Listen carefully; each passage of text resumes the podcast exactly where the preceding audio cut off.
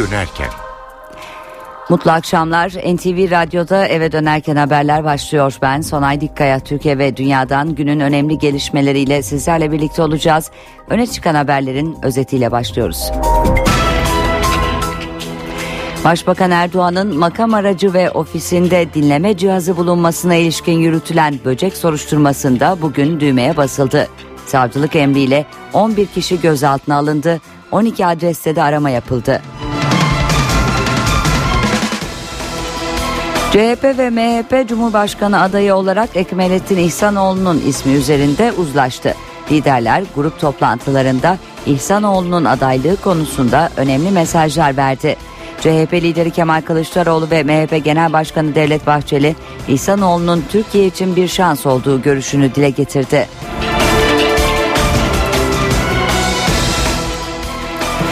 Irak'ta şiddet sarmalı genişliyor. IŞİD militanları başkent Bağdat yakınlarında ordu, Kerkük'te de peşmerge ile çatışıyor. Tasarruf Mevduatı Sigorta Fonu 301 işçinin hayatını kaybettiği kömür madeninin sahibi Alp Gürkan'ın tüm var, mal varlığına tedbir koydu. Havalar ısınıyor. Türkiye gelecek haftadan itibaren kavurucu sıcakların etkisi altına girecek. İstanbul'da hissedilen sıcaklıkların 45 dereceye kadar çıkması bekleniyor.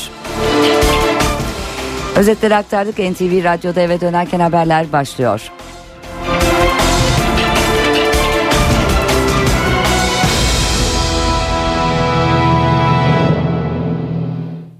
Ve ayrıntılar. Başbakan Erdoğan'ın makam aracı ve ofisinde dinleme cihazı bulunmasına ilişkin yürütülen böcek soruşturmasında bugün düğmeye basıldı. Savcılık emriyle 11 kişi gözaltına alındı. 12 adreste de eş zamanlı arama yapıldı. Gözaltına alınan isimler arasında geçmişte başbakanın yakınında olan kişiler de bulunuyor. Ayrıntıları NTV muhabiri Özden Erkuş anlatacak. Özden Soruşturma kapsamında düğmeye bu sabah basıldı. Sabah saatlerinde aralarında Ankara'nın da bulunduğu 5 kentte çeşitli adreslere baskınlar yapıldı. Gözaltı kararlarıyla birlikte şüpheli sayısı 15, 12'si hakkında gözaltı kararı vardı. İşte bu kapsamda Ankara'da 6 ayrı noktada arama gerçekleştirdi. O adreslerden biri e, listenin belki de en dikkat çekici ismi Başbakan Erdoğan'ın eski koruma müdürü Zeki Bulut'un eviydi. Zeki Bulut'un evinde yapılan aramanın ardından Bulut'la birlikte terörle mücadele şube ekipleri Ankara Emniyeti emniyetine geldiler. Yine benzer şekilde Ankara'da gözaltına alınan diğer 5 kişi de Ankara Emniyetinde yine Zeki Bulut'un yanı sıra e, Başbakan Erdoğan'ın koruma şu, daire başkanı Mehmet Yüksel de gözaltına alınan isimler arasında diğer kentlerde gözaltına alınan isimlerin de buraya gelmesinin ardından e, polis sorgusu başlayacak. İşte o sorgu tamamlandıktan sonra da savcılar sevk edilecekler. Savcılar sevk edilmesinin ardındansa savcı nihai kararı verecek ya savcılıktan serbest bırakılacak şüpheliler ya da tutuklanmaları talebiyle mahkemeye sevk edilecekler. Kısaca hatırlatmak gerekirse aralarında emniyet müdürlerinin de bulunduğu 11 kişi Başbakan Erdoğan'ın odasına ve aracına dinleme cihazı yerleştirmek ve bu cihazlar aracılığıyla elde edilen ses kayıtlarını servis etmekle suçlanıyorlar.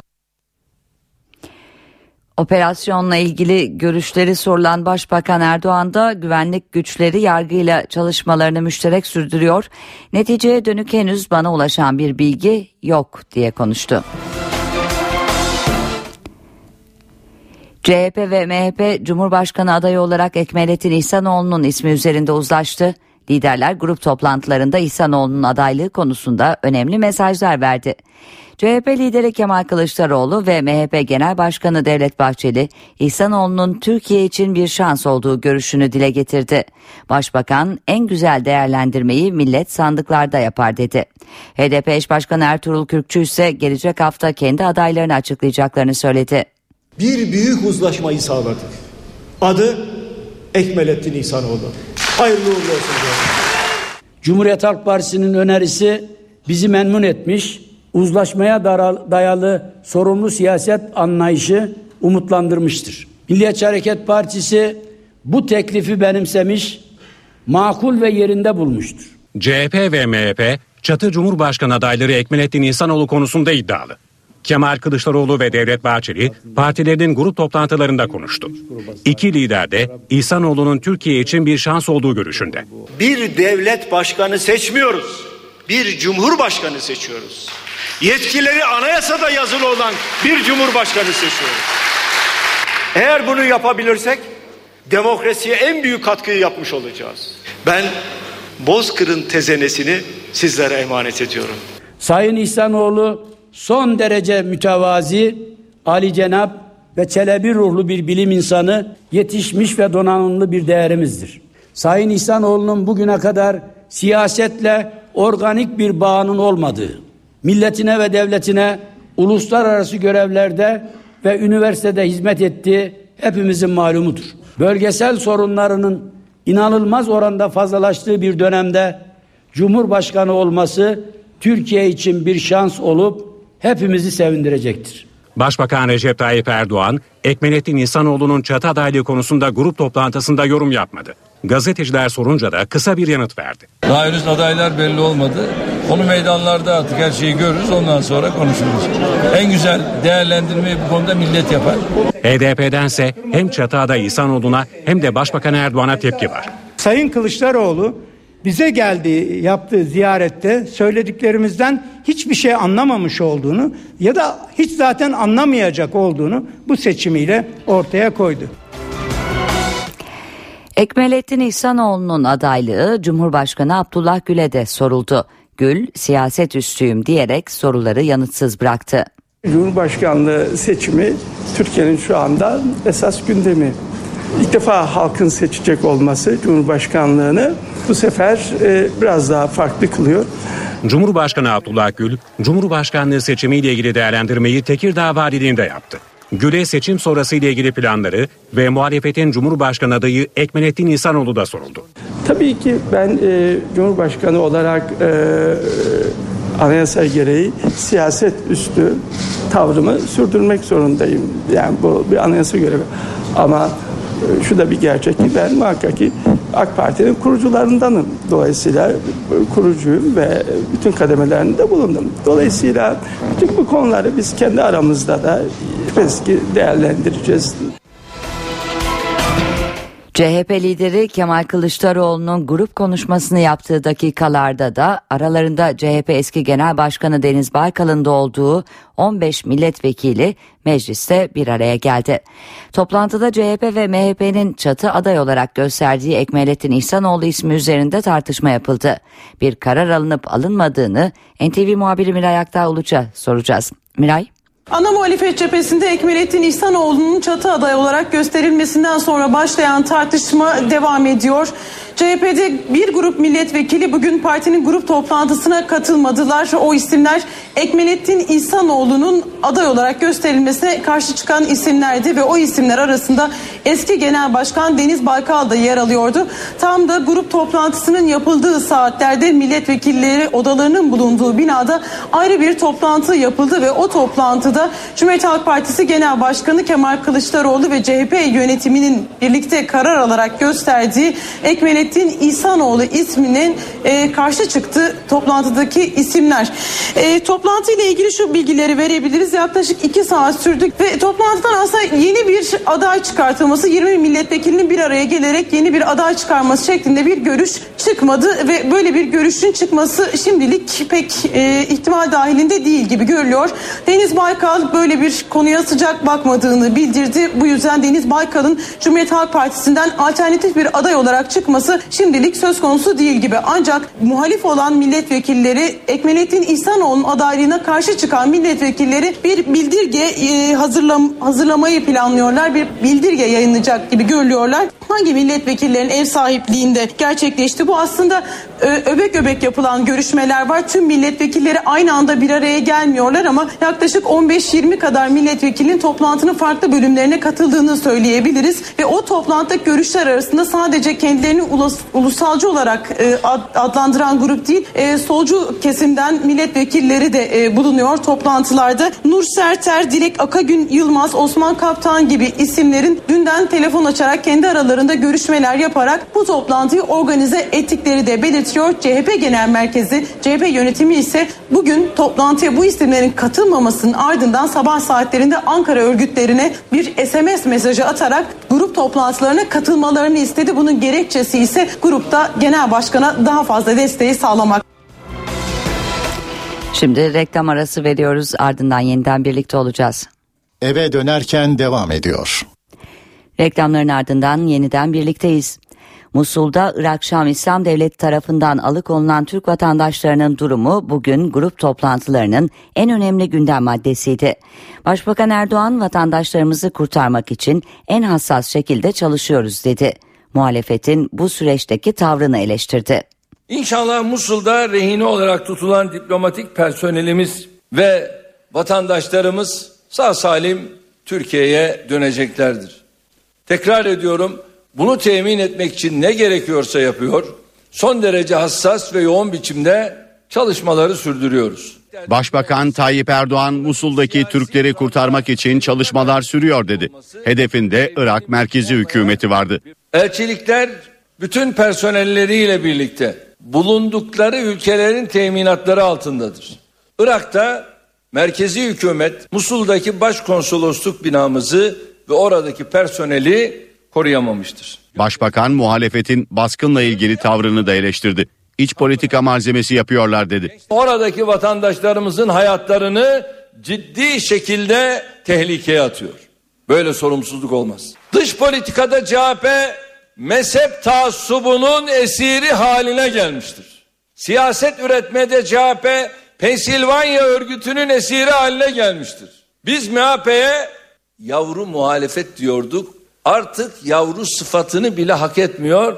MHP doğrudan doğruya CHP'nin ve Pensilvanya'nın vagonu haline geldi. Başbakan dış politikada mezhepçi bir yaklaşım benimsemediklerini söyledi. Orta Doğu'ya bataklık diyen CHP lideri Kılıçdaroğlu'nu eleştirdi. İşte bu tarih bilmezliktir. Bu apaçık cehalettir. Bataklık demek ırkçılıktır. Irak'taki ateşi Türkiye'ye taşımak istiyorlar. Buna da asla izin vermeyeceğiz. Erdoğan konuyu Diyarbakır'da indirilen Türk bayrağına getirdi. Terör örgütünün vazifesi bayrağa saldırı düzenlemek. CHP ile MHP'nin vazifesi o saldırı üzerinden milleti tahrik etmek, galeyana getirmek. Cumhuriyet Halk Partisi Genel Başkanı Kemal Kılıçdaroğlu da hükümetin Suriye ve Irak politikasını eleştirdi. Musul'da alıkonulan konsolosluk personeli ve ailelerini gündeme getirdi. Elbette serbest kalacaklar ama hükümet buradan bir kahramanlık hikayesi çıkarmaya çalışıyor dedi. Şimdi besledin kargayı oydu gözüne. Hep beraber geldiğimiz nokta bu. CHP Genel Başkanı Kemal Kılıçdaroğlu grup toplantısında konuştu. Musul'da alıkonulan Türkleri hatırlattı, hükümeti zamanında önlem almamakla suçladı. Irak üçe bölünüyor adamın haberi bile yok. Emin olun Türk Hava Yolları yönetimi bu hükümetten daha sağduyulu daha dikkatli çalışıyor. Çünkü o Musul'a olan seferlerini Musul'un gerçeğini görerek yeniden düzenledi. Bunlar o gerçeği görmediler. Kılıçdaroğlu defalarca uyardık ama dinlemediler dedi. Hükümetin Suriye ve Irak politikasını eleştirdi. Hükümetin konsolosluk baskını üzerinden kahramanlık çıkarmaya çalıştığını iddia etti. Efendim bunları serbest bırakacaklar. Elbette serbest bırakacaklar. Elbette biz, biz onların hepsini biliyoruz. Bir kahramanlık hikayesi yaratmak istiyorlar. Sen kim kahraman kim? Demiş ki Orta Doğu bataklık değil demiş. Orta Doğu bataklığından kastettiğimiz oradaki bir bataklık değil. Sen orayı bataklığa çevirdin. Biz onu anlatıyoruz. MHP Genel Başkanı Devlet Bahçeli de Türk vatandaşlarının alıkonulmasından hükümeti sorumlu tuttu. Bahçeli örgütün Türkiye'ye kafa tuttuğunu savundu. AKP'nin düne kadar biberonla beslediği IŞİD ayakları üstünde durduktan sonra sahibine dirsek vurmuş, kendi ikbal ve geleceği açısından yeni efendilerinin eteğinden tutmuştur. Şu hazin ve hüsran verici duruma bakınız ki IŞİD Türkiye'ye kafa tutmaktadır.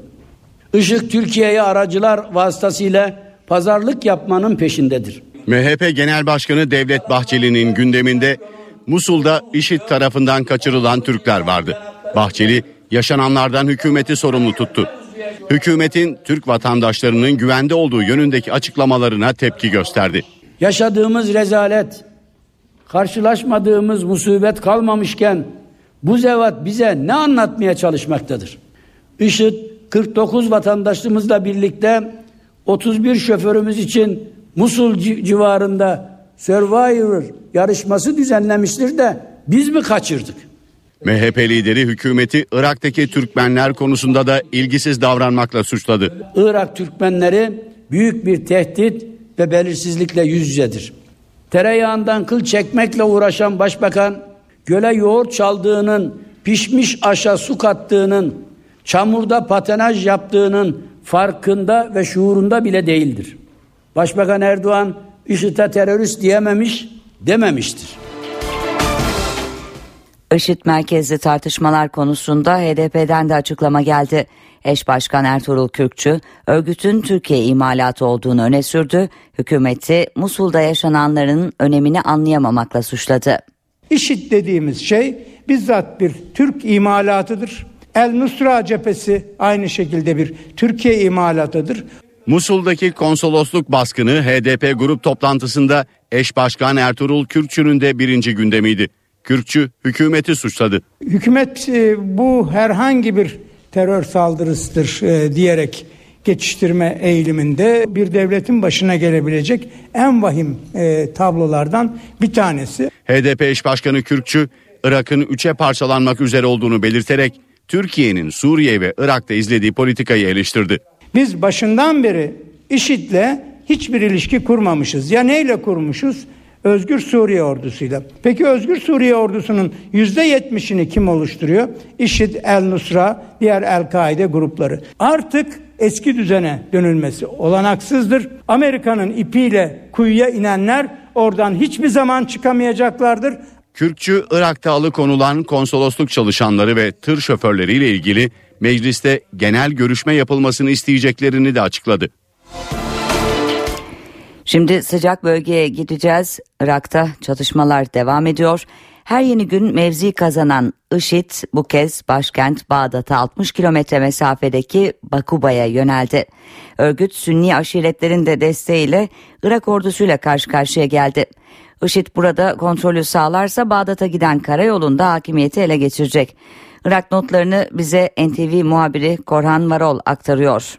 Sıcak saatler devam ediyor. Tansiyon gitgide yükselmeye devam ediyor bölgede. Bu kez İran biraz güneyinden Bağdat'ın 60 kilometre ilerisinden Bakuba'dan geldi. Sıcak çatışma haberleri son derece kritik bir bölge. Kritik çünkü Bakuba'ya giden yol aynı zamanda Bağdat'a giden yol ve eğer IŞİD buraya da ele geçirirse Bağdat'a giden yolu da kontrol altına almış olacak ki e, IŞİD'in bazı Sünni gruplarla deyim yerindeyse koalisyon halinde olduğunu da gördük. Bazı Sünni gruplar da IŞİD'e destek veriyor. Yani bu gruplar e, Irak ordusuyla çatışıyor. Sıcak saatler gün boyunca gelmeye devam etti. Bağdat'a 60 kilometre uzaklığındaki Bakuba kentinden. Kuzey Irak'ı gözün önümüze getirirsek eğer burada Doğuk, Erbil çeşitli şehirler var. Zaho var. Bu şehirlerin tamamının girişinde ve çıkışında kontrol noktaları vardır ve bu buradaki kontrolü, buradaki asayişi Kuzey Irak Bölgesel Yönetiminin askerleri yani o tanıdık bir deyimle peşmerge sağlar. Peşmergelerin kontrol noktalarının olduğu yerde hareketli saatler olduğunu gördük. Duok'a kadar gittik. Ee, yani bulunduğumuz bölgeden bir hayli uzak bir bölge. Ee, oradan haberler gelmişti bize. Ee, oraya gittik çünkü özellikle Tel Afer'den ki nüfusun %80'inin ağırlıklı olarak Şii olduğunu, e, Türkmen olduğunu söyleyebiliriz. Tel Afer'den kaçan Türkmenleri görüntülemek istedik e, ve Duok'un girişinde rastladık. Onlara sadece Türkmenler yoktu. Diğer gruplar da vardı. Arapları da gördük, Kürtleri de gördük. Yani o Musul'dan kaçanlar, Duok'a gitmek isteyenler vardı. Yani şöyle özetleyebiliriz. Sıcak çatışmanın olduğu yerlerden ki hava bombardımanı da oluyor zaman zaman Irak ordusu hava saldırıları da düzenliyor IŞİD'in kontrol altında tuttuğu noktalara. Yani o sıcak noktalardan kaçmak isteyen Iraklar diyelim çevre illerdeki akrabalarının yanlarına gitmeye çalışıyorlar. Deyim yerindeyse pılı pırtı toplamışlar. Arabalarına yükleyebildiği kadar yüklerini, eşyalarını toplamışlar. Çoluk çocuk kim varsa toplanmışlar ve göç ediyorlar. Böyle bir göç söz konusu ama az önce de bahsettim e, kontrol noktalarında Peşmerge'nin kontrolü sağladığı bu noktalarda Peşmerge kesinlikle göç edenlere izin vermiyor. Aslında onlar da Peşmerge'de ne yapacağını bilmiyor çünkü sorulara cevap veremiyorlar. Vatandaşlar ellerine cep telefonlarını, akrabalarını arıyorlar ve inanmıyorsanız konuşun diye askerlere uzatıyorlar telefonlarını. Bırakmıyorlar. Deyim yerindeyse bir kefillik sistemi var. Yani gideceği şehirdeki akrabalarının kontrol noktasına gelip onları teslim almaları gerekiyor. Kimse de gelmeyince yol kenarlarında o göç etmek isteyenlerin sıcak e, çatışma noktalarından kaçmak isteyen, canlarını kurtarmak isteyen Irakların yol kenarında da uzun saatler boyu bekleyişleri de gün boyu devam etti. Halen daha da devam ediyor. Bu arada Kandil'den de Irak'ta yaşanan çatışmalarla ilgili açıklama geldi. KCK Konseyi üyesi Murat Karayılan, Kerkük ve Şengal'de IŞİD'e karşı savaşabileceklerini söyledi. Karayılan yaptığı açıklamada IŞİD'in Kürt hakları karşıtı bir yapılanma olduğunu kaydetti. Karayılan, IŞİD'in Musul'u ele geçirmesinin Orta Doğu'da dengeleri köklü şekilde değiştirdiğini de vurguladı. Ve para ve sermaye piyasalarındaki işlemlere bir göz atalım. Borsa İstanbul şu sıralarda 78.063 seviyesinde. Serbest piyasada dolar 2 lira 14 kuruş, euro 2.90'dan işlem görüyor. Kapalı çarşıda ise Cumhuriyet altını 585, çeyrek altın 143 liradan satılıyor.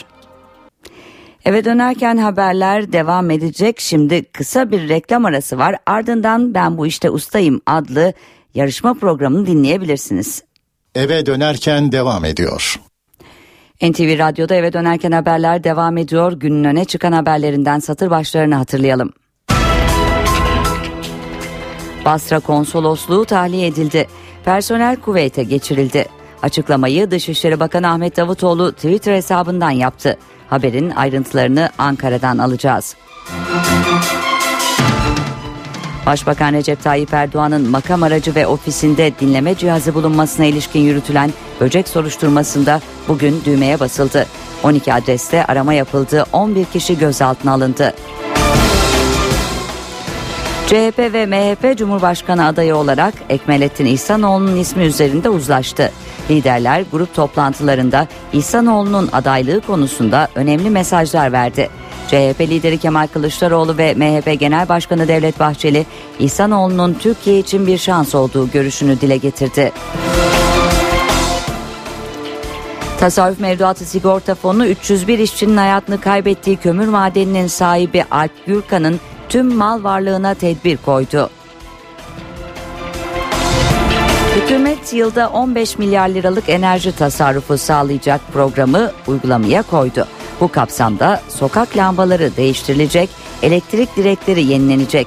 Enerji verimliliği ve tasarruf yatırımı yapan sanayi kuruluşlarına ek teşvikler verilecek.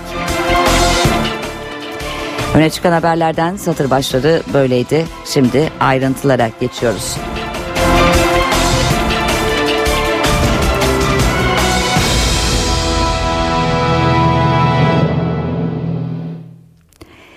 Türkiye Irak'taki şiddet olayları nedeniyle Basra konsolosluğunu tahliye etti. Konsolosluktaki personel Kuveyt'e geçiş yaptı. Ayrıntıları NTV muhabiri Deniz Kilislioğlu anlatacak Deniz.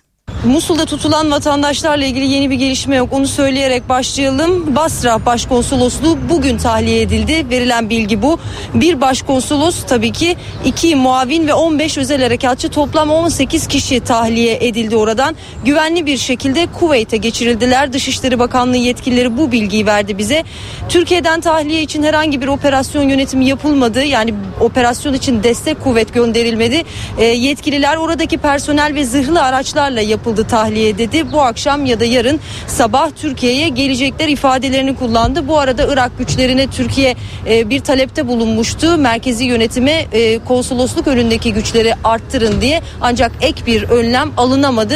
E, yetkililer bu sebepten dolayı boşaltmıyoruz ama bu da bir gerekçe olduğu şeklinde ifadelerde bulundu. Türkiye Hava Yolları'nın Türk Hava Yolları'nın uçuşları bu arada Basra'ya devam ediyor onu söyleyelim. Bağdat Büyükelçiliği için herhangi bir tahliye kararı yok. Bunu da ifade ettiği yetkililer şu aşamada e, telafer önemli bir noktaydı. Dün gözlerin çevrildiği bir noktaydı.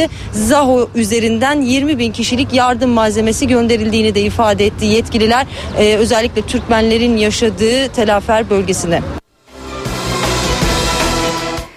Musul'da Irak Şam İslam Devleti tarafından alıkonulan Türk vatandaşlarının durumu bugün grup toplantılarının en önemli gündem maddesiydi.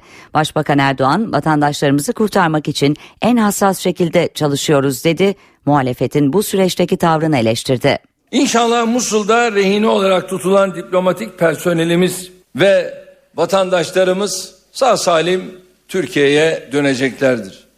Tekrar ediyorum bunu temin etmek için ne gerekiyorsa yapıyor.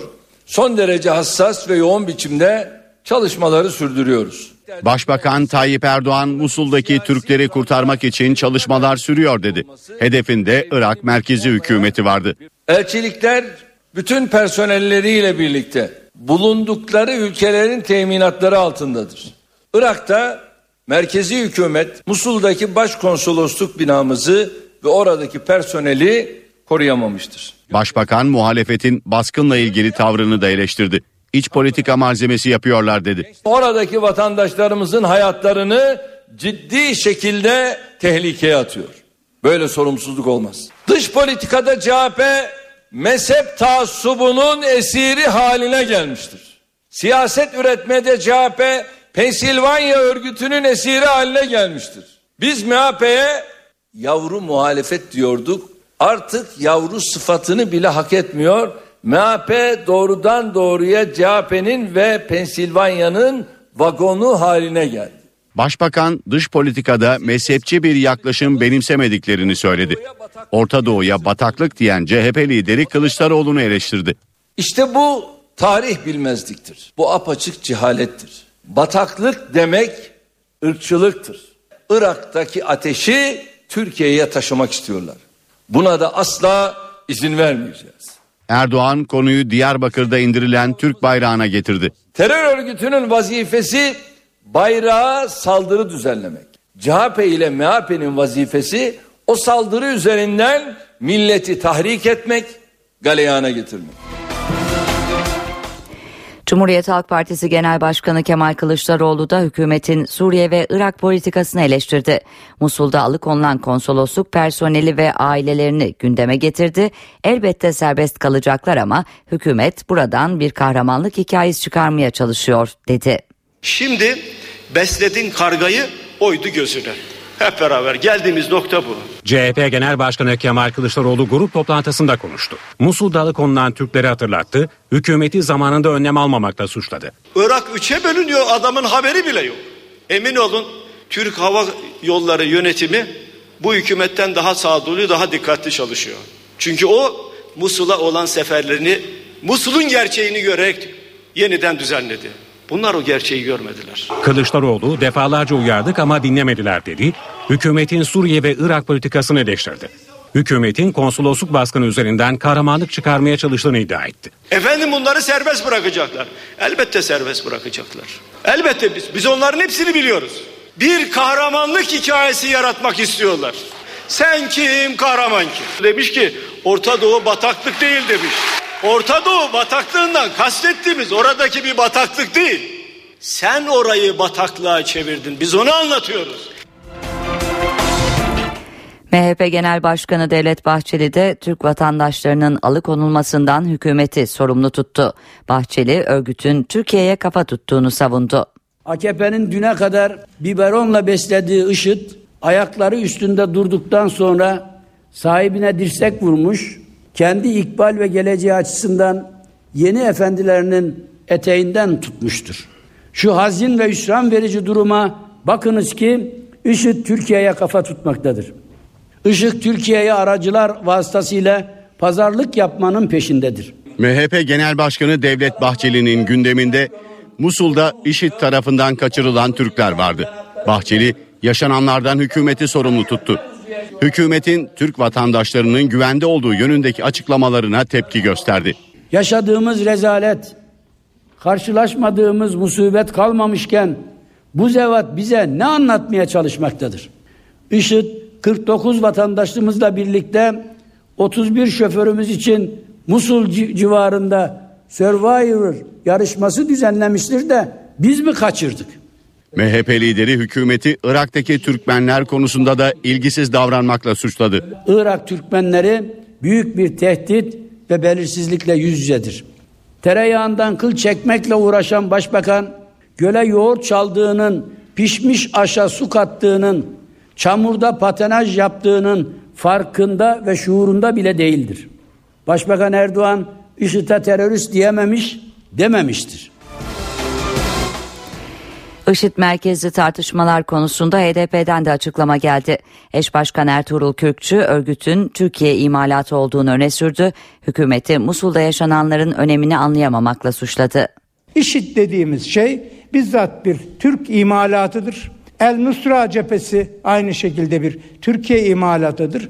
Musul'daki konsolosluk baskını HDP grup toplantısında eş başkan Ertuğrul Kürkçü'nün de birinci gündemiydi. Kürkçü hükümeti suçladı. Hükümet e, bu herhangi bir terör saldırısıdır e, diyerek geçiştirme eğiliminde bir devletin başına gelebilecek en vahim e, tablolardan bir tanesi. HDP eş başkanı Kürkçü, Irak'ın üçe parçalanmak üzere olduğunu belirterek Türkiye'nin Suriye ve Irak'ta izlediği politikayı eleştirdi. Biz başından beri IŞİD'le hiçbir ilişki kurmamışız. Ya neyle kurmuşuz? Özgür Suriye ordusuyla. Peki Özgür Suriye ordusunun yüzde yetmişini kim oluşturuyor? IŞİD, El Nusra, diğer El-Kaide grupları. Artık eski düzene dönülmesi olanaksızdır. Amerika'nın ipiyle kuyuya inenler oradan hiçbir zaman çıkamayacaklardır. Kürkçü Irak'ta alıkonulan konsolosluk çalışanları ve tır şoförleriyle ilgili mecliste genel görüşme yapılmasını isteyeceklerini de açıkladı. Ve Irak'taki durumla devam edelim. Başkent Bağdat yakınlarında orduyla IŞİD örgütü arasındaki çatışmalar sürüyor. IŞİD örgütü ve Sünni aşiretlerin Bağdat'a 60 kilometre mesafedeki Bakuba kentine girdiği belirtiliyor. IŞİD ve Sünni aşiretler Bakuba'yı kontrol altına alırsa Bağdat'a giden karayoluna da hakim olacaklar. Kerkük'te de Peşmerge ile IŞİD militanları çatıştı. Kentte Türkmenlerin yaşadığı Beşir köyü peşmerge güçlerinin bölgeden çekilmesinin ardından IŞİD'in eline geçti. IŞİD örgütünün ele geçirdiği Telafer'de ise Irak ordusuyla IŞİD militanları çatışıyor.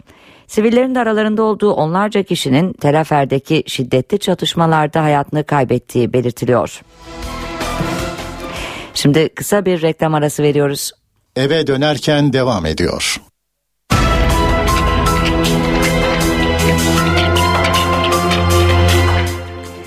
Başbakan Erdoğan'ın makam aracı ve ofisinde dinleme cihazı bulunmasına ilişkin soruşturmada savcı bugün operasyon talimatı verdi. 12 noktada aynı zamanda arama yapıldı. Aralarında Başbakanın eski koruma müdürünün de olduğu 11 kişi gözaltına alındı. Başbakan Erdoğan'ın makam aracı ve odasında bulunan dinleme cihazları ile ilgili soruşturmada Ankara Cumhuriyet Savcılığı düğmeye bastı. 5 ayrı kentte toplam 11 kişi gözaltına alındı. Gözaltına alınanların çoğu Başbakan Erdoğan'ın daha önce korunma çemberinde görev yapan önemli isimler.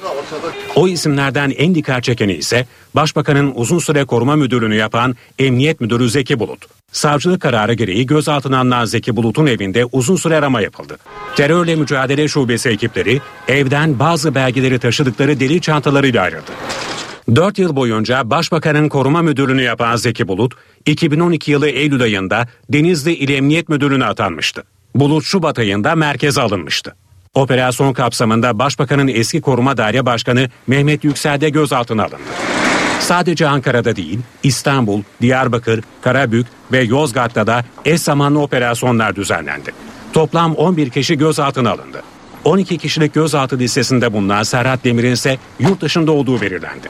Şüphelilerin Ankara Emniyet Müdürlüğü'ndeki polis sorgusunun ardından anayasal düzene karşı işlenen suçlarla yetkili savcılığa sevk edilmeleri bekleniyor. CHP ve MHP'nin Cumhurbaşkanlığı seçimi öncesi aday olarak belirlediği Ekmelettin İhsanoğlu ismi üzerine liderler görüşlerini dile getirdi. CHP lideri Kemal Kılıçdaroğlu ve MHP Genel Başkanı Devlet Bahçeli İhsanoğlu'nun Türkiye için şans olduğunu ifade etti. Başbakansa değerlendirmeyi millet sandıkta yapar dedi. Ayrıntıları NTV muhabiri Miray Aktağ Uluç aktaracak.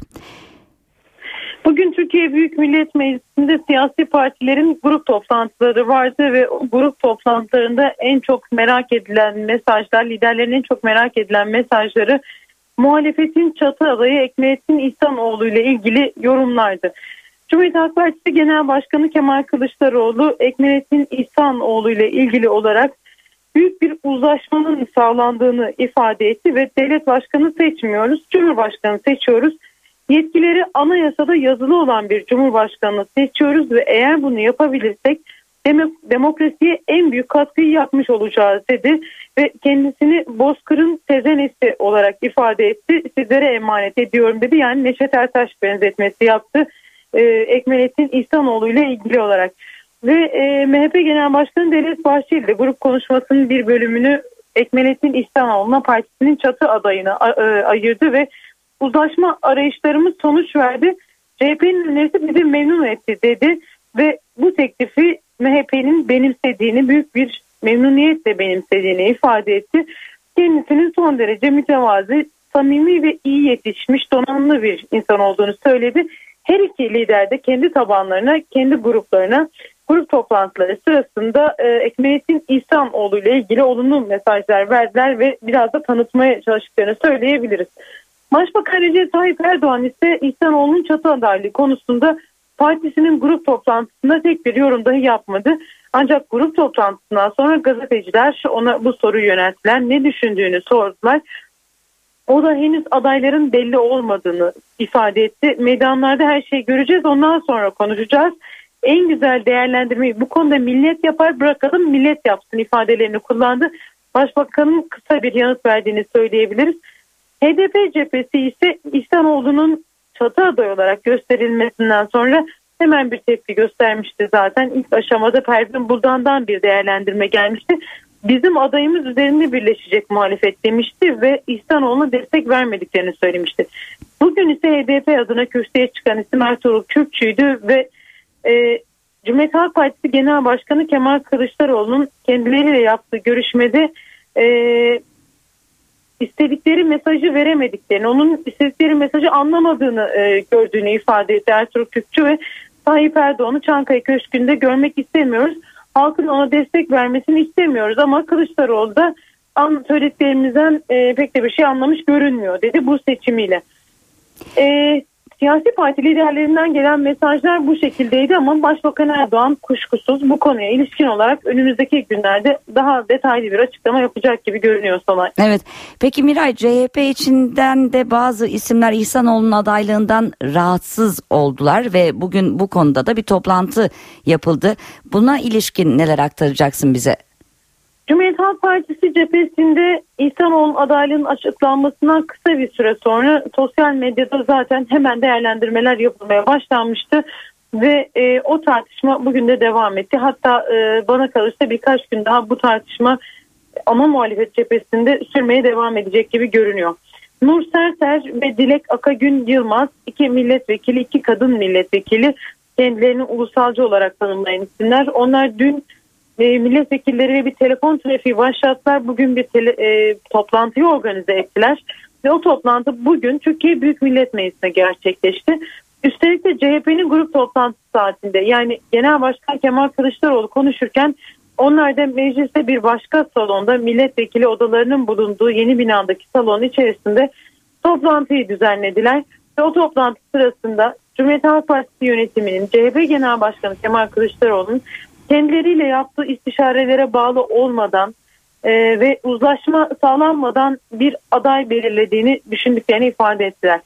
Yeni bir aday çıkartılması gündemde olabilir. Zaten toplantıda da gündeme geldi. Bunu öneren isimler oldu. Çünkü 20 kişinin imzasıyla zaten yeni bir e, Cumhurbaşkanı adayı çıkartılabiliyor. Bu gündeme geldi ama bu toplantıdan en azından bugün yapılan görüşmelerden böyle bir isim çıkmadı. Deniz Baykal da o toplantıdaydı. Kendisi bu sürece çok sıcak bakmıyor. En azından kendi ismi üzerinden böyle bir adaylık tartışmasının yapılmasını istemiyor. Ve net bir şekilde bunu da ifade etti. Deniz Baykal'a yakın isimlerde böyle bir topun altına girmez Deniz Baykal diye bir değerlendirmeleri oldu. Yaptığımız telefon görüşmelerinde bir bildirge yayınlayacaklar gibi gözüküyor. Cumhuriyet Halk Partisi e, muhalifleri diyelim onlara. Bildirgelerinde e, sürecin uzlaşıyla gerçekleşmediği, siyasal İslam'ın kendilerine dayatıldığını ifade edecekler ama bir istifa söz konusu değil gibi. Şu an için böyle bir durum var. CHP'nin grup toplantısına katılmadıklarını söylemiştik bu isimlerin. E, Cumhuriyet Halk Partisi Genel Merkezi dün o telefon trafiğinden haberdar olunca bugün sabah saatlerinde Ankara örgütlerine bir SMS gönderdiler ve o SMS'lerde grup toplantılarına onların da katılmasını istediler. Böylece genel merkezin çıkarttığı adaya ve genel merkez yönetimine e, desteği örgütler bazında göstermiş olacaklardı. Onlar da bu yüzden genel merkezin talebi üzerine bugün grup toplantısına geldiler ve çok sayıda gençlik örgütünden e, isimler, katılımcılar vardı. Kalabalık bir grup toplantısı yapıldı bugün. E, bundan sonraki süreçte CHP'deki bu yaklaşım takip edilmeye devam edecek. Bir e, aday çıkartırlar mı ona en çok merak e, ediyoruz açıkçası. Ama şu an için böyle bir girişim yok. İnsanoğlunun propaganda süreciyle ilgili son duruma ilişkin bir bilgi verip yayınımızı toparlayalım. Ee, Ekmelettin İhsanoğlu'nun bu süreçte kendi ekibini kurarak propaganda yapacağı belirtiliyor. Yani CHP, MHP ortak doğrudan e, kendi ekipleriyle İhsanoğlu'na e, yardımcı olacaktır. Evet ama beraber çalıştıkları bir ortamda kendi ekibiyle sürdüreceği ifade ediliyor. MHP CHP Genel Başkanları için ayrı ayrı toplantılar yapacaklar. Yani onlar belki halka inecekler, onlar belki mitingler düzenleyecekler ama Ekmettin İhsanoğlu ile beraber bir miting gibi olmayacak anladığımız kadarıyla yaptığımız görüşmeler sonucunda ve bu propagandaların ay sonundan itibaren başlayacağı ifade ediliyor. Hatta bir tarih de verdiler 29 Haziran dediler 29 Haziran'dan sonra başlayacak Ekmelettin İhsanoğlu kamuoyunda daha çok gözükmeye dediler. Ki bu tarihi neden belirlediklerini sorduğumuzda net bir ifadeleri olmadı ama herhalde AK Parti'nin adayının da o tarihte belli olmasını bekliyor. Ee, çatı aday cephesi diyebiliriz Somay. Peki Miray teşekkür ediyoruz. Evet görüşler böyleydi ayrıntıları Miray Akta Uluç aktardı. Anayasa Mahkemesi'nin Twitter ve YouTube kararı ihtiyaç duyulan güveni tesis etmeye yönelik adımlardır. Açıklama Avrupa Birliği'nin genişlemeden sorumlu üyesi Stefan Fülle'den geldi. Füle, egemen bir devletsiniz ama HSYK gibi yasal düzenlemeler AB ile danışılarak yapılmalıydı dedi. Avrupa Birliği'nin genişlemeden sorumlu üyesi Stefan Füle Ankara'daydı. İki günlük ziyaretinde Cumhurbaşkanı Abdullah Gül, Dışişleri, Adalet, Avrupa Birliği bakanları ve sivil toplum örgütleriyle buluştu. Ama en dikkat çeken görüşmesi Anayasa Mahkemesi Başkanı Haşim Kılıçlı oldu. Son dönemde temel hak ve özgürlüklere saygı duymak, hukukun üstünlüğü konularında memnuniyet verici adımlar atıldı. Anayasa Mahkemesi'nin Twitter, YouTube ve HSYK kararlarını kastediyorum. Bunlar ihtiyaç duyulan güveni tesis etmek, kutuplaşmanın sona erdirilmesine yönelik adımlardır. Füle müzakere sürecinin yavaşladığını, Avrupa Birliği ile istişare edilmeyen değişiklikler Türkiye'nin Avrupa Birliği'nden uzaklaştığı algısını yarattı dedi. Onlardan biri de HSYK düzenlemesiydi. Adalet Bakanı Bekir Bozdağ'dan da bu açıklamalardan birkaç saat önce HSYK düzenlemesiyle ilgili öz eleştiri geldi. Son HSYK kanununun değişikliğinde bu noktada bir e, aksama olmuştur. Bundan sonraki süreçlerde bu tür aksamaların olmasına izin vermeyeceğiz. Füle'nin ziyaretinde birinci gündem 23. yani yargı ve temel haklar faslına dönük Rumların engelini kaldırmak, başlık açabilmek için neler yapılabilirdi? Füle, müzakerelere ivme kazandırılması gerektiği vurgusu yaptı.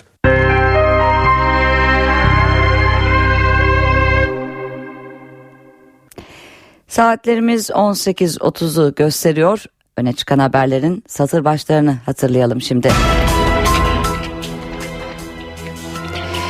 Dışişleri Bakanı Ahmet Davutoğlu Türkiye'nin Basra konsolosluğunun güvenlik gerekçesiyle tahliye edildiğini açıkladı. Davutoğlu konsolosluktaki 18 personelin Kuveyt'e götürüldüğünü bildirdi.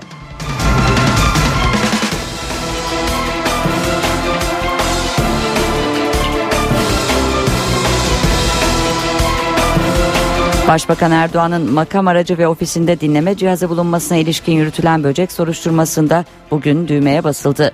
12 adreste arama yapıldı, 11 kişi gözaltına alındı. Galatasaray Live Hospital Beko Basketbol Ligi final serisinde Fenerbahçe Ülker'le yapacağı 7. maça çıkmama kararı aldı. Eve dönerken haberler devam ediyor.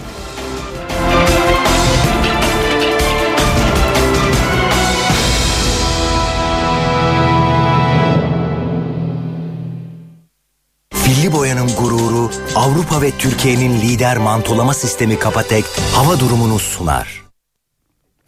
Havalar ısınıyor. Türkiye gelecek haftadan itibaren kavurucu sıcakların etkisi altına girecek.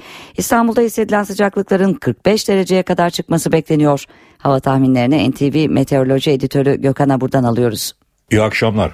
Sıcaklıklar yurt genelinde yükselmeye devam ediyor. Haftanın ikinci yarısı Batı Karadeniz, Marmara ve Kuzey Ege'de kuvvetlenecek Poyraz ve yağış 3-4 derece azalsa da sıcaklıklar yine de ortalamaları civarında olacak. Yarın Ege, Akdeniz ve Güneydoğu'da yağış beklemiyoruz. Batı Karadeniz'in iç kesimleri, Doğu Karadeniz ve Doğu Anadolu'nun doğusunda hafif, Trakya'da ise giderek kuvvetlenecek sağanaklar görülecek. Perşembe günü Batı ve Orta Karadeniz'de doğudaki yağışlar hafif olarak devam ederken Trakya ve Marmara'nın güneyindeki yağışlar daha da kuvvetlenecek. Yağışlar Marmara'da kuvvetli, Batı ve Orta Karadeniz'de aralıklı, Doğu Anadolu'nun doğusunda ise hafif olarak Cuma gününe devam edecek. Evet İstanbul'da sıcaklıklar yükselmesini sürdürüyor. Yarın hava az bulutlu. Sıcaklık 30 dereceye kadar çıkacak. Çatalca Silivri arasında akşam saatlerinde yağış görülebilir. Ankara'da hava açık sıcaklık gündüz 30 gece ise 15 derece olacak. İzmir'de rüzgar oldukça zayıf. Hava bunaltıcı hissedilen sıcaklık 34 dereceye kadar çıkacak. Hepinize iyi akşamlar diliyorum. Hoşçakalın. Filli boyanın gururu Avrupa ve Türkiye'nin lider mantolama sistemi Kapatek hava durumunu sundu. Şimdi kısa bir reklam arası veriyoruz ardından yeniden birlikte olacağız. Kılıçoğlu'nun sunduğu eve dönerken devam ediyor. Reklamların ardından yeniden birlikteyiz. Tasarruf Mevduatı Sigorta Fonu 301 işçinin hayatını kaybettiği kömür madeninin sahibi Alp Gürkan'ın tüm mal varlığına tedbir koydu. Tedbir kararı Gürkan'ın iş adamı Korkmaz Yiğit'in mal kaçırmasına aracılık ettiği gerekçesiyle alındı. Soma'da 301 işçinin hayatını kaybettiği madenin sahibi Alp Gürkan'ın tüm mal varlığına tedbir kondu. Gürkan, iş adamı Korkmaz Yiğit'in tasarruf mevduatı sigorta kurumundan mal kaçırmasına yardım etmekle suçlanıyor. Korkmaz Yiğit ve Alp Gürkan'ın suç örgütü üyesi olmakla yargılandıkları davanın ilk duruşması İstanbul 12. Ağır Ceza Mahkemesi'nde görüldü. Duruşmaya Alp Gürkan katılmadı.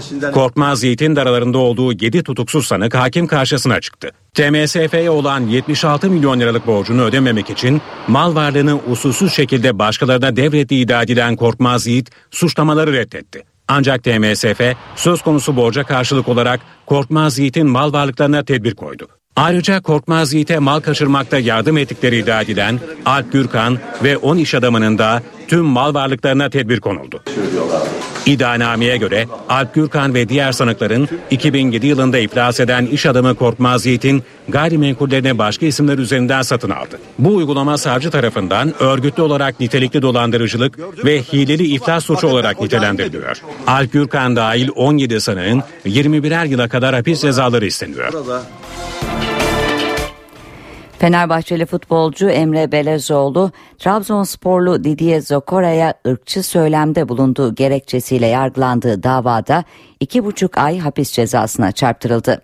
Belezoğlu'nun cezası ertelendi. 17. Sulh Ceza Mahkemesi'nde görülen karar duruşmasına taraflar katılmadı. Duruşmada söz alan Belezoğlu'nun avukatı müvekkilinin suçsuz olduğunu belirterek beraatını talep etti. Zokora'nın avukatı ise sanığın cezalandırılmasını talep etti. Hakim Emre Belezoğlu'nu spor alanında din, ırk, cinsiyet veya mezhep farkı gözeterek hakaret suçundan iki buçuk ay hapis cezasına çarptırdı. Belezoğlu'nun daha önce kasıtlı bir suçtan mahkum olmadığını belirten hakim cezayı erteledi. Adana'da Lice'deki olayları protesto gösterisinde 14 yaşındaki çocuğun ölümüyle ilgili 3 Cumhuriyet Savcısı görevlendirildi.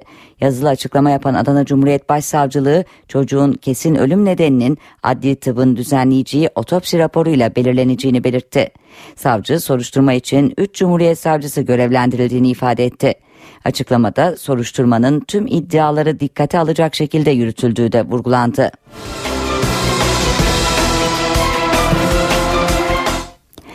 Adana'da 6 yaşındaki Gizem Akdeniz'i öldürmekle suçlanan Süleyman Akdeniz hakkında hazırlanan iddianame kabul edildi. İddianamede sanığın Gizem'i pikniğe götürüyorum diye kandırdığı ve ifadesindekinin aksine küçük kıza cinsel saldırıda bulunduğu belirtildi. İddianameyi hazırlayan Cumhuriyet Savcısı katil zanlısının canavarca hisle öldürme suçundan yargılanmasını talep etti. Sanık için ağırlaştırılmış müebbet ve 26 yıl hapis cezası isteniyor.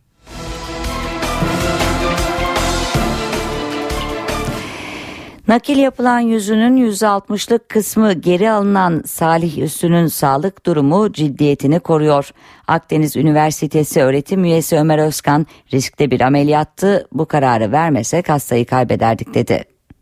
Çok erken dönemde de belki böyle bir karar alabilirdik. Ama o dönemde bu kadar kritik değil ama şu anda bile bu kararı vermek önemli bir karar. Yani riskli bir kararı verdik. Ama biliyoruz ki biz bu karar vermesek hastayı 10-15 gün içerisinde mutlaka yine kaybedebilirdik. Nakledilen yüzün %60 alınan Salih Üstü'nün durumu ciddiyetini koruyor. Türkiye'de yüz nakli yapılan 6. hasta Üstü'nün ameliyatı 23 Ağustos'ta 1. yılını dolduracaktı.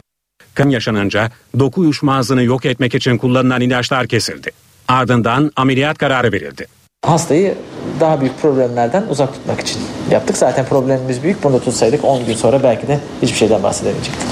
Türkiye'nin ilk alt ve üst çene nakli yapılan hastası Salih Üstü'nün 5 saat süren operasyonda yüzündeki yumuşak dokunun %60'ı alındı. Yerine bacağından alınan doku nakledildi. Bizim her hastamız değerli ama bunu da e, şanssız bir şekilde e, kaybetmeyelim elimizden geleni yapıyoruz. Gelişmeler Edirne'de yaşayan Üstün ailesini üzdü. Köye bir gelmek istiyordu. Yani canı sıkkındı. Ben gittiğimde yani yavaş yavaş kilo düşüyordu. Hani ailesiz oluyordu. Zaten sonradan bayağı kötüleşmiş yani. Önümüzdeki 10 günlük süreç 55 yaşındaki Salih Üstü'nün sağlık durumu için kritik önem taşıyor. Üstü'nün bacağından alınan dokunun uyum sağlayıp sağlamayacağı bu sürede belli olacak.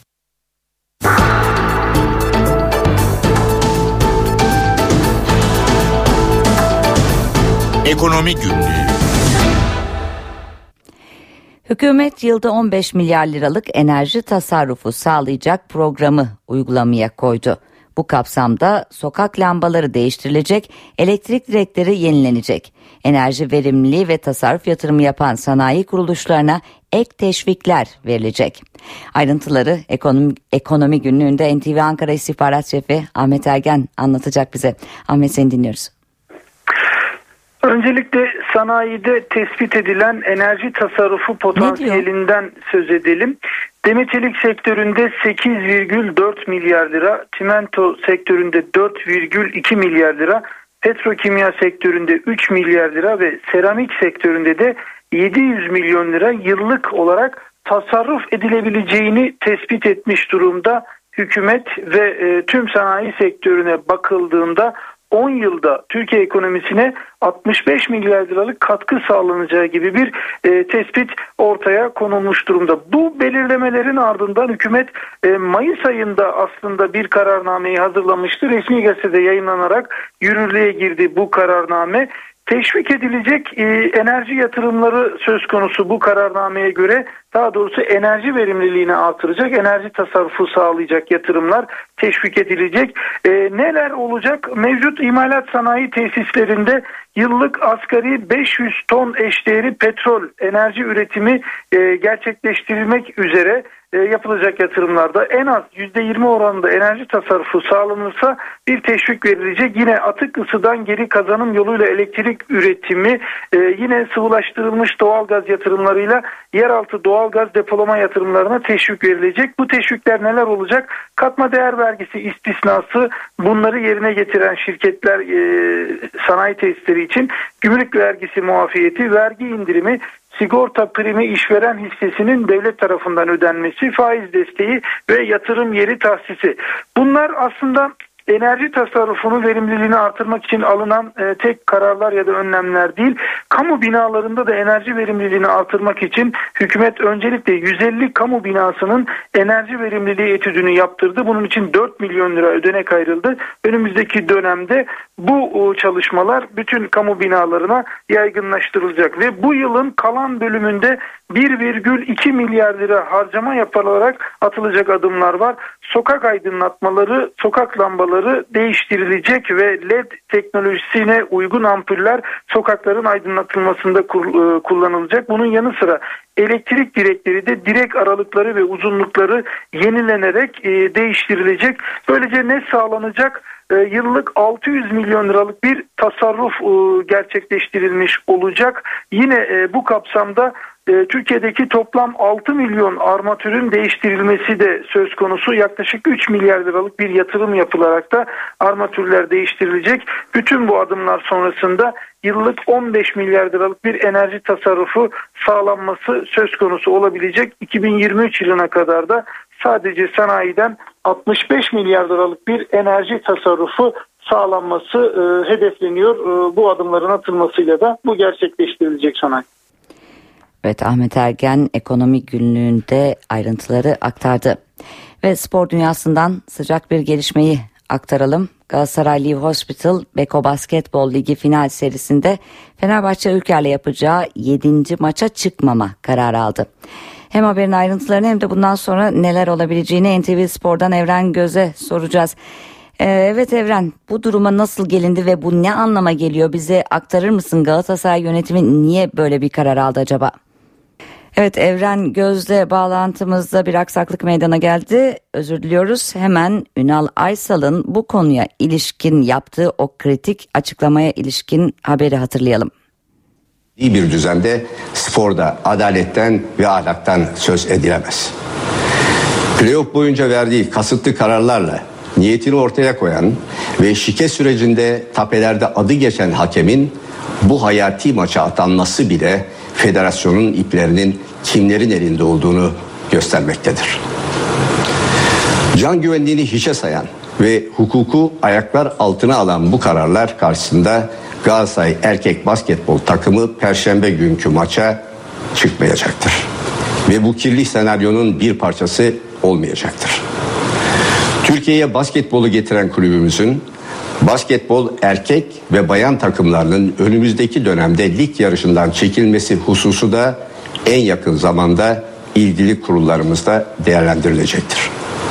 Galatasaray Spor Kulübü elindeki belgeler ve bilgiler ışığında uluslararası federasyonlar ve uluslararası hukuk kurullarında hak arayışında sonuna kadar kamuoyuna saygıyla duyuruyoruz. Evet bir kez daha tekrar edelim Galatasaray Live Hospital Beko Basketbol Ligi final serisinde Fenerbahçe Ülker'le yapacağı 7. maça çıkmama kararını böyle bildirdi. Hem haberin ayrıntılarını hem de bundan sonra neler olabileceğini NTV Spor'dan Evren Göz'e soralım şimdi. Evet Evren tekrar e, bağlantımız hazır. Bu duruma nasıl gelindiğini ve Galatasaray yönetiminin niye böyle bir karar aldığını sormuştuk. Seni dinliyoruz. Galatasaray yönetimi bugün Türk Telekom Arena'da toplandı ve tarihi bir karara imza attı. Sarı Kırmızılar Perşembe günü oynanacak Fenerbahçe Ülker mücadelesine çıkmama kararı aldı. Bunu da Başkan Aysal yaklaşık e, yarım saat önce kulübün televizyonunda basın toplantısı şeklinde yapılan sadece kulüp televizyonunun görüntüleriyle yayınlanan açıklamasında dile getirdi. Sebep olarak tabii ki yönetimden edindiğimiz bilgiler ve Galatasaray yönetiminin basketbol kanadından aldığımız bilgiler özellikle Basketbol Federasyonu'nun aldığı kararlar ve çifte standardın olduğu yönünde bazı görüşler hakimdi Galatasaray yönetiminde.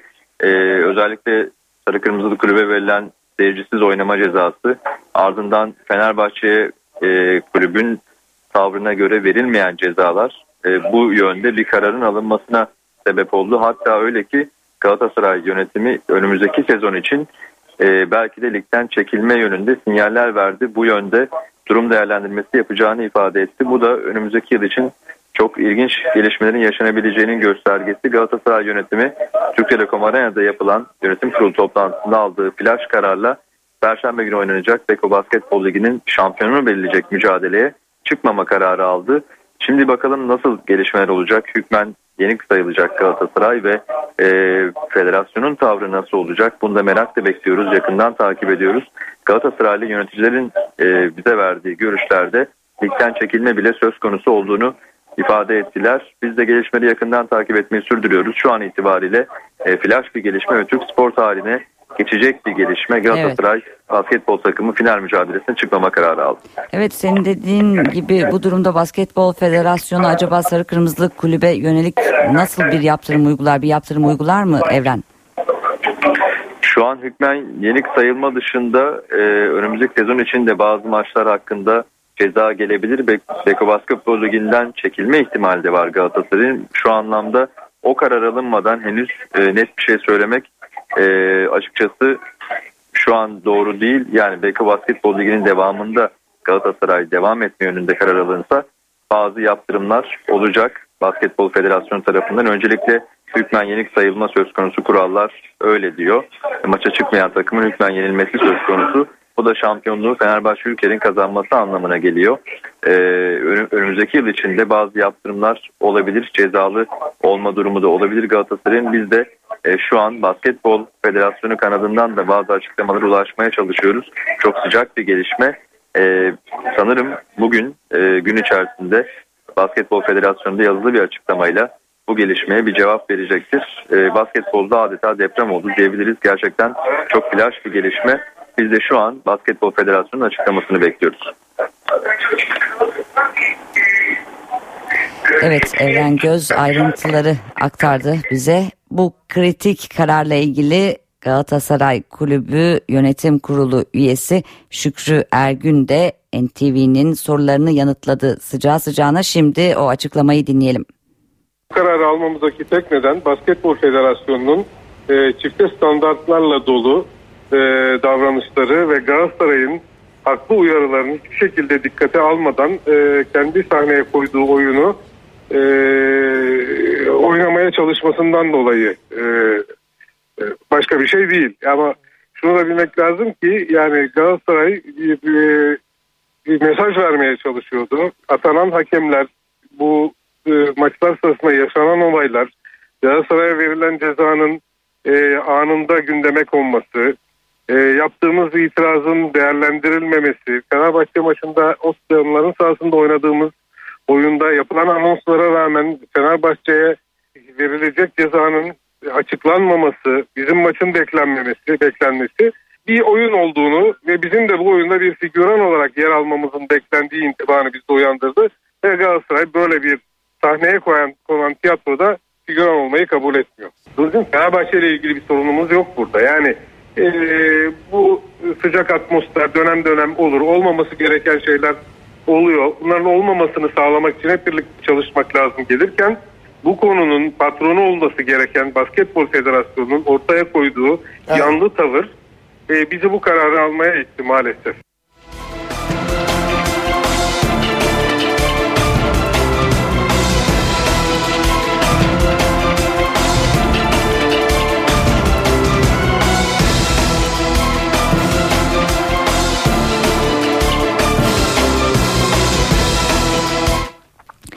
Evet Galatasaray Fenerbahçe arasında yaşanan bu gelişmeye ilişkin NTV canlı yayınıyla ortak yayına geçelim. Şimdi gelişmelerin ayrıntılarını NTV ekranlarından NTV Radyo'da dinleyelim. Soruda bulunuyor. Kaan ne dersin? Bence öyle. Ben ben sportif açıdan bakıyorum. Bence öyle ama bu yönet bahsettiğimiz konu sportif bir konu. Sportif konunun kapandığından bahsediyoruz. Yani o defter kapandı artık. Hani ben e, Güntekin'in sorduğuna para olarak aynı şeyi söylüyorum. Yani ben ciddi şekilde Galatasaray'ın artık favori konumuna geçtiğini düşünüyordum. Ama yani sportif anlamda konuşursak. Çünkü Fenerbahçe çok kırılgan bir yapıya sahip. Daha iyi bir kadro olmasına. Ama burada artık sportif şeylerden bahsetmiyoruz. Bu, bu vazgeçmektir. Ve aynı zamanda oyuncuların emeği falan konusunda çok haklı. Artı Galatasaray'ın teslim olması yani bu düzenle biz baş edemiyoruz demesidir yani. Ha, çok haklı olabilirler kendi söyledikleri şeylerde. Ona hiçbir şey demiyorum. Ama bu yöntem değil. Doğru yön, bence bu iyi yöntem değil. Ve açıkçası hani Pandora'nın kutusunun açılması bu. Çünkü artık spordan bahsetmeyeceğiz. Dediğim gibi karadan devam edeceğiz. Evet.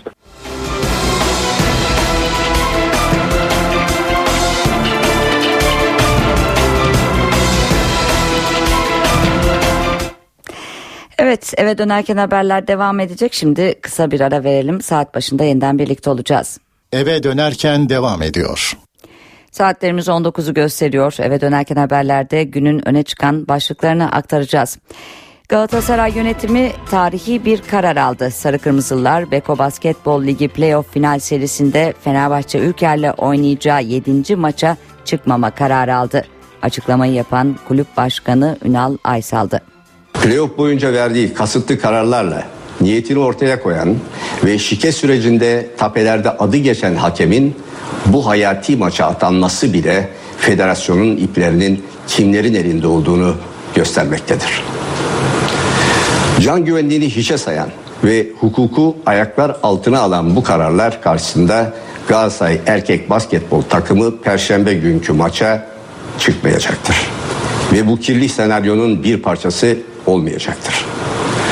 Türkiye'ye basketbolu getiren kulübümüzün basketbol erkek ve bayan takımlarının önümüzdeki dönemde lig yarışından çekilmesi hususu da en yakın zamanda ilgili kurullarımızda değerlendirilecektir. Galatasaray Spor Kulübü elindeki belgeler ve bilgiler ışığında uluslararası federasyonlar ve uluslararası hukuk kurullarında hak arayışında sonuna kadar kamuoyuna saygıyla duyuruyoruz. Dışişleri Bakanı Ahmet Davutoğlu Türkiye'nin Basra konsolosluğunun güvenlik gerekçesiyle tahliye edildiğini açıkladı. Davutoğlu konsolosluktaki 18 personelin Kuveyt'e götürüldüğünü bildirdi. Başbakan Erdoğan'ın makam aracı ve ofisinde dinleme cihazı bulunmasına ilişkin yürütülen böcek soruşturmasında bugün düğmeye basıldı. 12 adreste arama yapıldı. 11 kişi gözaltına alındı. CHP ve MHP Cumhurbaşkanı adayı olarak Ekmelettin İhsanoğlu'nun ismi üzerinde uzlaştı. Liderler grup toplantılarında İhsanoğlu'nun adaylığı konusunda önemli mesajlar verdi. CHP lideri Kemal Kılıçdaroğlu ve MHP Genel Başkanı Devlet Bahçeli, İhsanoğlu'nun Türkiye için bir şans olduğu görüşünü dile getirdi. Başbakan en güzel değerlendirmeyi millet sandıkta yapar dedi.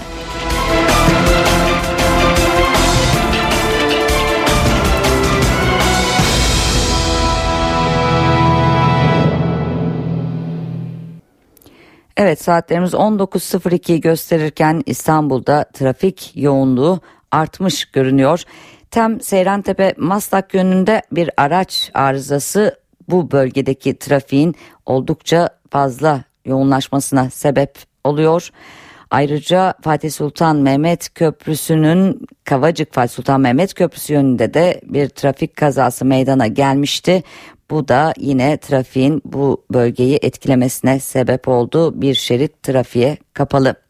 Köprülerdeki son duruma yine bir göz atalım. Avrupa Anadolu yakası geçişinde Boğaziçi Köprüsü Çağlayan'dan itibaren yoğunlaşıyor. Hürriyet Tepesi Kavşağı, Mecidiyeköy ve Zincirlikuyu girişi köprü üzerinde dahil olmak üzere Anadolu yakasına geçişte de Altunizade Kavşağı'nda şu an itibariyle trafik oldukça sıkışık.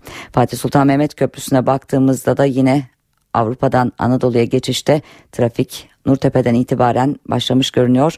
Hastal, Seyrantepe ve Maslak'ta da yine trafik oldukça yoğun.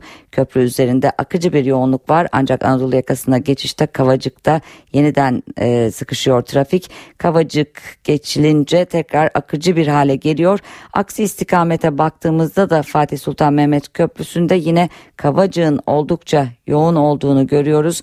Anadolu Avrupa geçişinde FSM'nin Ataşehir ve Ümraniye kavşaklarında henüz yoğunluk başlamadı.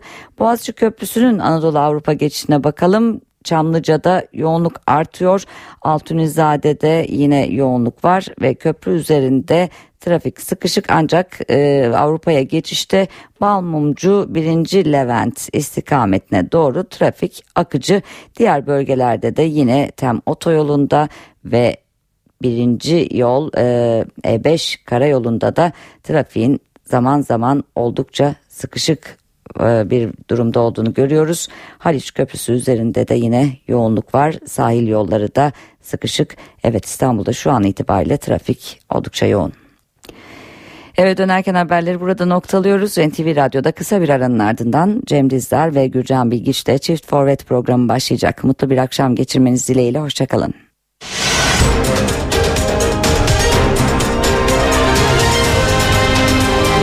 NTV Radyo, Türkiye'nin haber radyosu.